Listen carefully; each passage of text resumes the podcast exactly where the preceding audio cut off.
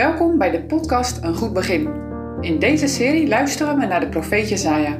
Vandaag met Joline van den Ende.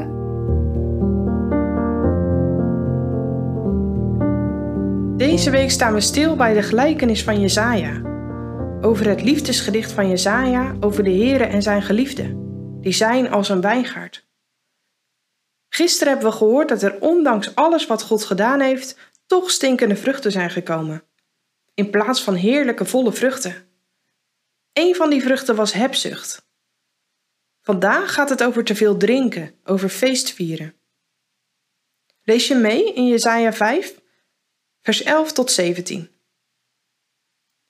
Wee dengene die zich vroeg opmaken in de morgenstond, sterke drank najagen en vertoeven tot in de schemering, totdat de wijn hen heeft verhit.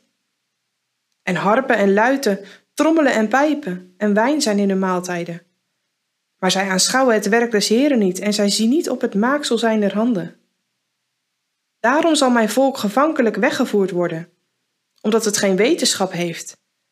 En de zelfs heerlijke zullen honger lijden, en hun menigte zal verdorren van dorst.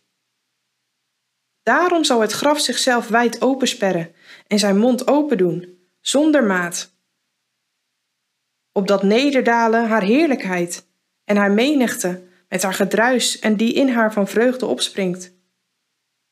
Dan zal de gemene man nedergebogen worden en de aanzienlijke man zal vernederd worden. En de ogen der hoogvaardigen zullen vernederd worden. Doch de Heere der Heerscharen zal verhoogd worden door het recht. En God, die Heilige, zal geheiligd worden door gerechtigheid.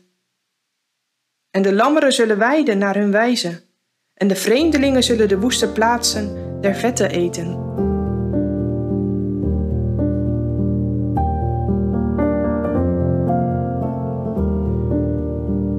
In vers 11 worden degenen die sterk met drank bezig zijn gewaarschuwd. En in vers 12 staat waarom. Maar zij aanschouwen het werk des Heren niet. En zij, zij, zij zien niet op het maaksel zijner handen. Wanneer de mensen dus te veel bezig zijn met drank, is dat niet alleen slecht voor hun lichaam. Ze zien het werk van Gods schepping niet. Ze hebben de mogelijkheid om God te zien in zijn schepping en ze letten er niet op.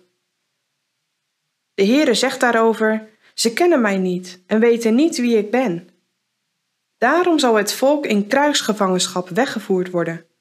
Al degenen die geen oprechte interesse voor mij hebben, zullen gestraft worden met honger en dorst. Ik hoop dat jij niet op een verkeerde manier met alcoholische dranken bezig bent. Dat je hoort bij degenen die letterlijk alleen leven voor hun eigen plezier. Ze gooien hun eigen eer en die van God te grabbel. Ik hoop dat je diepe interesse toont in God, in het werk van God en in zijn schepping. Dan zie je God overal en verwacht je alles van Hem. Dan vermeerder je echt wetenschap. In de gelijkenis hebben we juist gezien hoe God alles gedaan heeft om de wijngaard tot volle ontplooiing te laten komen. Dan is het feestvieren, het leven voor eigen plezier, een erg grote tegenstelling. God heeft meer dan genoeg gedaan voor de wijngaard en toch geven we stinkende vruchten. Het gedeelte van vandaag eindigt juist hoopvol. Ik herhaal nog even de vrucht van de geest uit Galaten 5, vers 22. Maar de vrucht des geestes is liefde, blijdschap, vrede, langmoedigheid, goedertierenheid, goedheid, geloof, zachtmoedigheid, matigheid. In vers 16 lezen we dat dan de Heere zal verhoogd worden. Dan zal God vrede geven.